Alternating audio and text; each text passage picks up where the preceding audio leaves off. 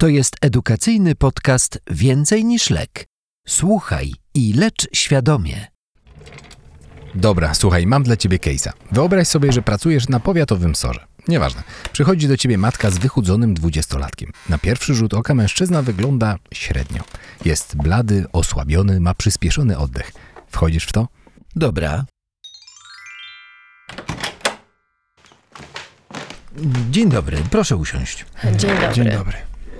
Pan Tomasz, 20 lat, zgadza się? Tak. Tak. Pani jest matką? No tak, tak. Proszę powiedzieć, co się dzieje? Jak się pan czuje?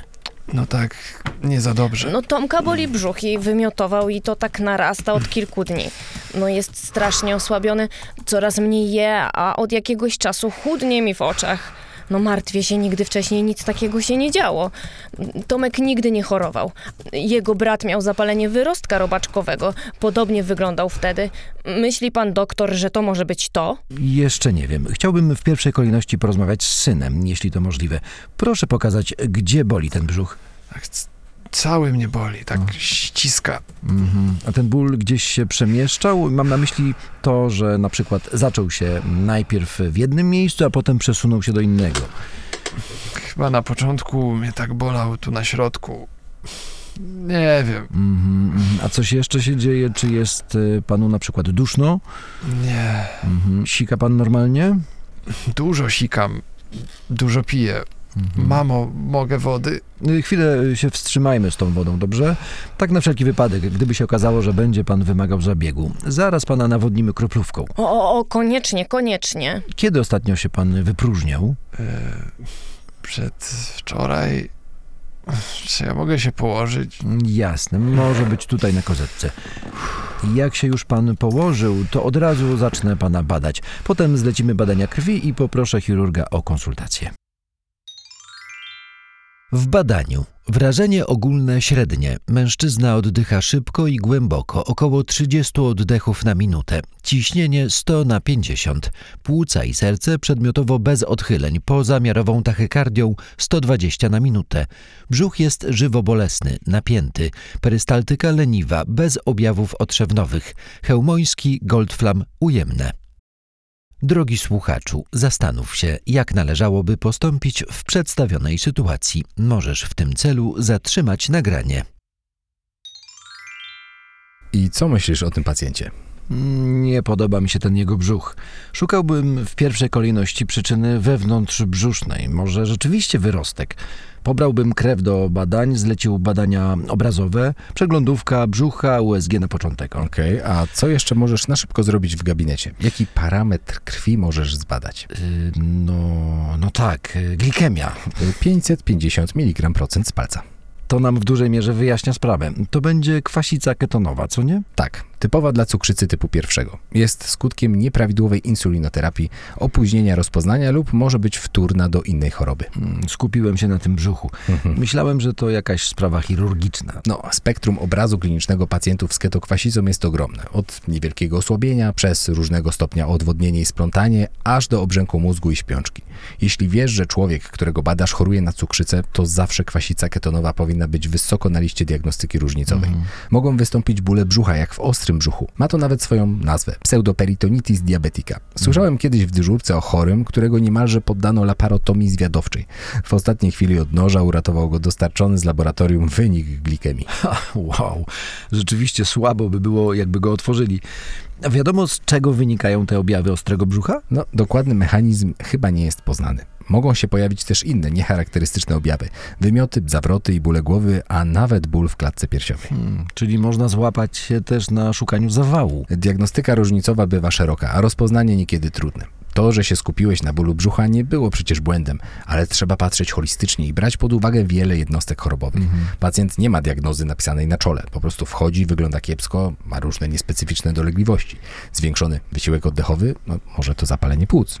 Tachykardia i niskie ciśnienie wpada we wstrząs, a może boli go brzuch, więc szukasz zapalenia otrzewnej. tak. Jest jeszcze druga strona medalu. Lubimy fiksować się na jednej diagnozie i łatwo wtedy przegapić drugą przyczynę dolegliwości.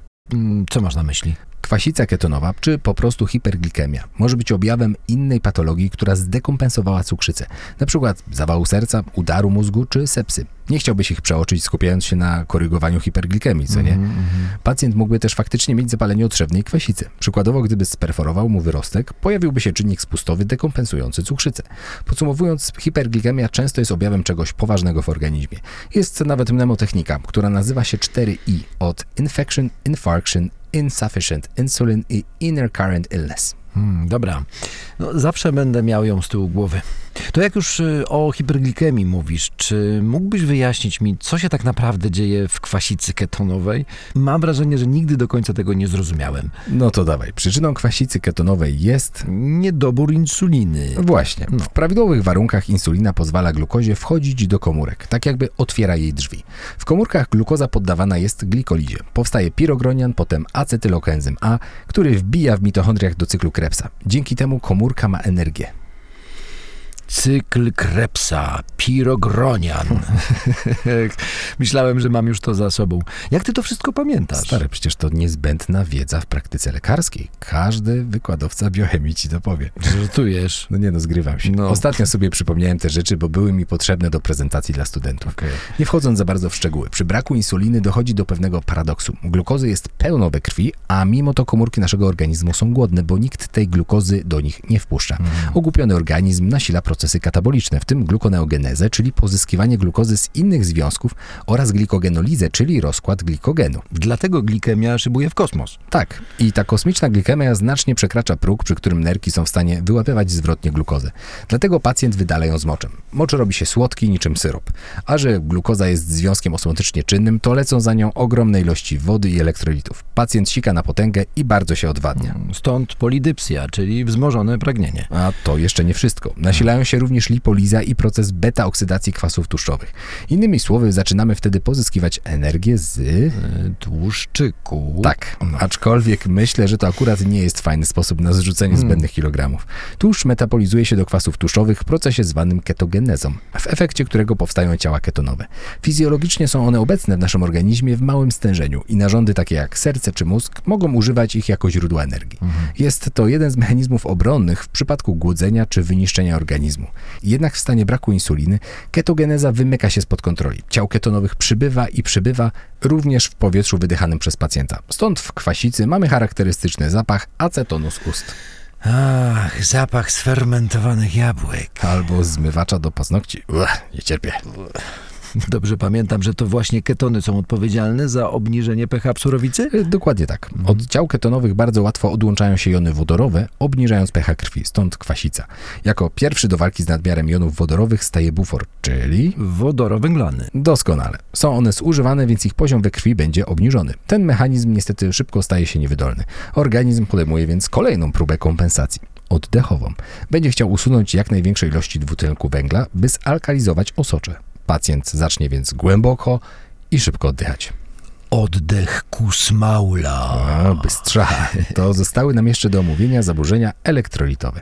Najbardziej interesuje nas potas. Wahania potasu w ketokwasicy i jej leczeniu są bardzo duże, co może być bardzo niebezpieczne. Wiesz dlaczego? No, potas jest niezbędny do prawidłowej pracy mięśni szkieletowych, jak i serca. Przecież zarówno hipo, jak i hiperkaliemia znajdują się wśród odwracalnych przyczyn NZK. Dokładnie. Jak pamiętasz, insulina sprawia, że potas trafia z krwi do komórek organizmu.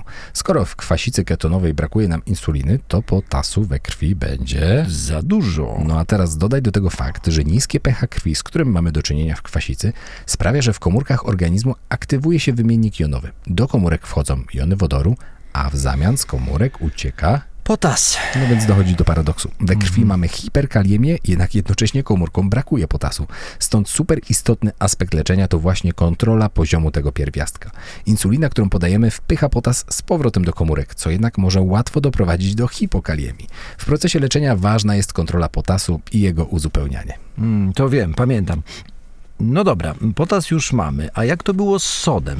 Tam się coś e, korygowało w zależności od glikemii, nie? Z uwagi na utratę hipotonicznych płynów wraz z diurezą osmotyczną często dochodzi do hipernatremii. Masz rację. Rzeczywista wartość natremii przy hiperglikemii zwykle jest wyższa niż zmierzona w laboratorium. Dlatego powinno się wyliczać skorygowane stężenie sodu przy uwzględnieniu poziomu cukru. Wzór można łatwo znaleźć w internecie czy książce. Moglibyśmy zrobić małe podsumowanie? No, pewnie, spójrz, wydrukowałem wyniki pacjenta. O. O, okej, dzięki. Są ketony w moczu? Yy, tak, i wydaje się, że wszystko się zgadza z rozpoznaniem kwasicy ketonowej. Wyraźna kwasica, pH równe 7,05, wodorowęglany się zużywają, więc są obniżone, wynoszą 12, ciśnienie parcjalne dwutlenku węgla również obniżone, bo jest y, wypłukiwany przez hiperwentylację.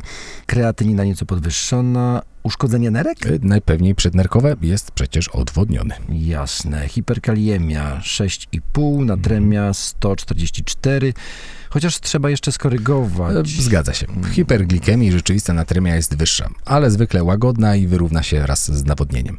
Przy większej zaleca się podawanie roztworu 0,45% NaCl. Jak nie masz takiego na oddziale, to możesz rozcieńczyć 0,9% sól wodą do wstrzyknięć. Uwzględnij to przy nawadnianiu. O, no tego, tego nie znałem sposobu. Słuchaj, no to leć teraz do naszego wymyślonego pacjenta. Masz rozpoznanie, nie ma ostrego brzucha. Powiedzmy, że dzwoniłeś na oddział, przyjmą go, ale za 3 godziny, bo mają małe organizacyjne problemy. Prosili, żeby rozpisać mu wstępne leczenie. Zleć je pielęgniarce. Y, Pamiętasz schematy leczenia kwasicy ketonowej? Tak, tak. No, to do dzieła. Paulina, musimy położyć naszego pacjenta na sali monitorowanej. Obserwuj go, mierz mu proszę parametry. Na razie co 20 minut i podłącz EKG. Musimy założyć kartę kontroli glikemii, która pomoże nam monitorować glikemię, stężenie potasu i dostosowywać leczenie. Jasne. Y, Co przygotować z leków?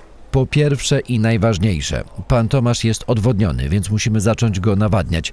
Jeden litr w pierwszej godzinie, potem pół litra przez kolejne 3 do 4 godzin. 0,9% sól. Mhm. Czyli solanka. Co dalej? Insulina? Tak, przeszykuj proszę insulinę krótko działającą w pompie i podłącz. On waży 70 kg, więc 7 jednostek na godzinę. Możemy też podać mu 7 jednostek w inicjującym bolusie. Y, Kontrolne badania kiedy? Pierwsze zrobimy za godzinę, potem zobaczymy. Gdy glikemia spadnie poniżej 250, podłączymy 5% glukozę, chyba że zdąży pojechać na oddział. A jeśli potas dobije poniżej 5,5, również zaczniemy go uzupełniać. Jasne. Rozpisz proszę zlecenia. Ja idę wszystko szykować. Gratulacje, nieźle sobie poradziłeś, zgodnie z wytycznymi. W tym miejscu chciałbym poruszyć jeszcze dwie kwestie. Po pierwsze, ogólnie w środowisku medycznym trwa dyskusja, czy powinniśmy do nawadniania używać 0,9% roztworu soli, bo na chwilę obecną figuruje to w wytycznych, czy raczej zbilansowanych krystaloidów. No właśnie, też mnie to zastanawia. Przecież zawsze się mówi, że sama sól fizjologiczna nasila kwasicę z powodu dużego ładunku chloru. No, zgadza się, nie będziemy jednak kłócić się z wytycznymi. Zostawmy naszych słuchaczy z polem do dyskusji i do czytania w domu. Dobra, a druga kwestia? Chciałbym jeszcze trzy słowa powiedzieć o ketokwasicy u dzieci. Nasz pacjent jest już dorosły, jednak u takiego siedmiolatka nie byłoby to optymalne postępowanie. To znaczy? No, u dzieci działamy inaczej. Musimy być dużo ostrożniejsi. Łatwiej dochodzi u nich do powikłań, takich jak obrzęk mózgu. Z insuliną wchodzimy później. Nie chcemy wywołać zbyt dużego szoku dla organizmu, ponieważ samo początkowe nawadnianie może nam już nieźle obniżyć glikemię, wywołać zmianę osmolalności osocza i zmiany elektrolitowe. Okej. Stosowanie insuliny rozpoczyna się po początkowym uzupełnieniu niedoboru płynów, nie wcześniej niż w drugiej godzinie leczenia, ponieważ rozpoczęcie stosowania insuliny jednocześnie z płynami zwiększa ryzyko ciężkiej hipokaliemii oraz szybkiego i nadmiernego obniżenia osmolarności surowicy i w konsekwencji poważnych powikłań. No a co z bolusem? No, na początku leczenia nie należy podawać insuliny w bolusie. Następnie włącza się ją bardzo ostrożnie, często nawet zaczynając od dawek mniejszych niż u dorosłych, na przykład dawki 0,05 jednostki na kilogram na godzinę lub mniejszej. Szczerze mówiąc, jeśli nie masz doświadczenia lub w przypadku jakichkolwiek wątpliwości, najlepiej zadzwonić do diabetologów, by się skonsultować i ustalić szybkie przekazanie pacjenta. Możliwe, że w przyszłości zalecenia dla dorosłych też będą zmierzać w podobnym kierunku, aby z insuliną tak, wiesz, nie szaleć na początku. Spotkałem się już z takimi opiniami. Hmm, bardzo ciekawe, dzięki. Zastanawiam się jeszcze, co z kwasicą. Dajemy wodorowęglany? Y, Nie zaleca się ich rutynowego podawania. Do rozważenia, jeśli masz ciężką kwasicę poniżej 6,9 pH. Kwasica powinna się sama wyrównać w miarę nawadniania i leczenia. Skoro organizm ma już insulinę, no to powinien przestać produkować ciała ketonowe, co nie? Racja. Czuję, że dużo lepiej rozumiem tę jednostkę chorobową. No to leci, kup mi coś słodkiego w automacie z batonami. Nara. Zapamiętaj. 1. Kwasica ketonowa to groźne powikłanie cukrzycy, najczęściej typu pierwszego, które wynika z braku insuliny, co prowadzi do nasilenia procesów katabolicznych. 2. Może objawiać się niecharakterystycznie i imitować przykład ostry brzuch. 3. Szukaj przyczyny wywołującej błędów insulinoterapii, zakażeń, zawału serca. 4. W leczeniu kluczowe jest nawodnienie, dostarczenie insuliny, kontrola elektrolitów i oczywiście szukanie przyczyny kwasicy.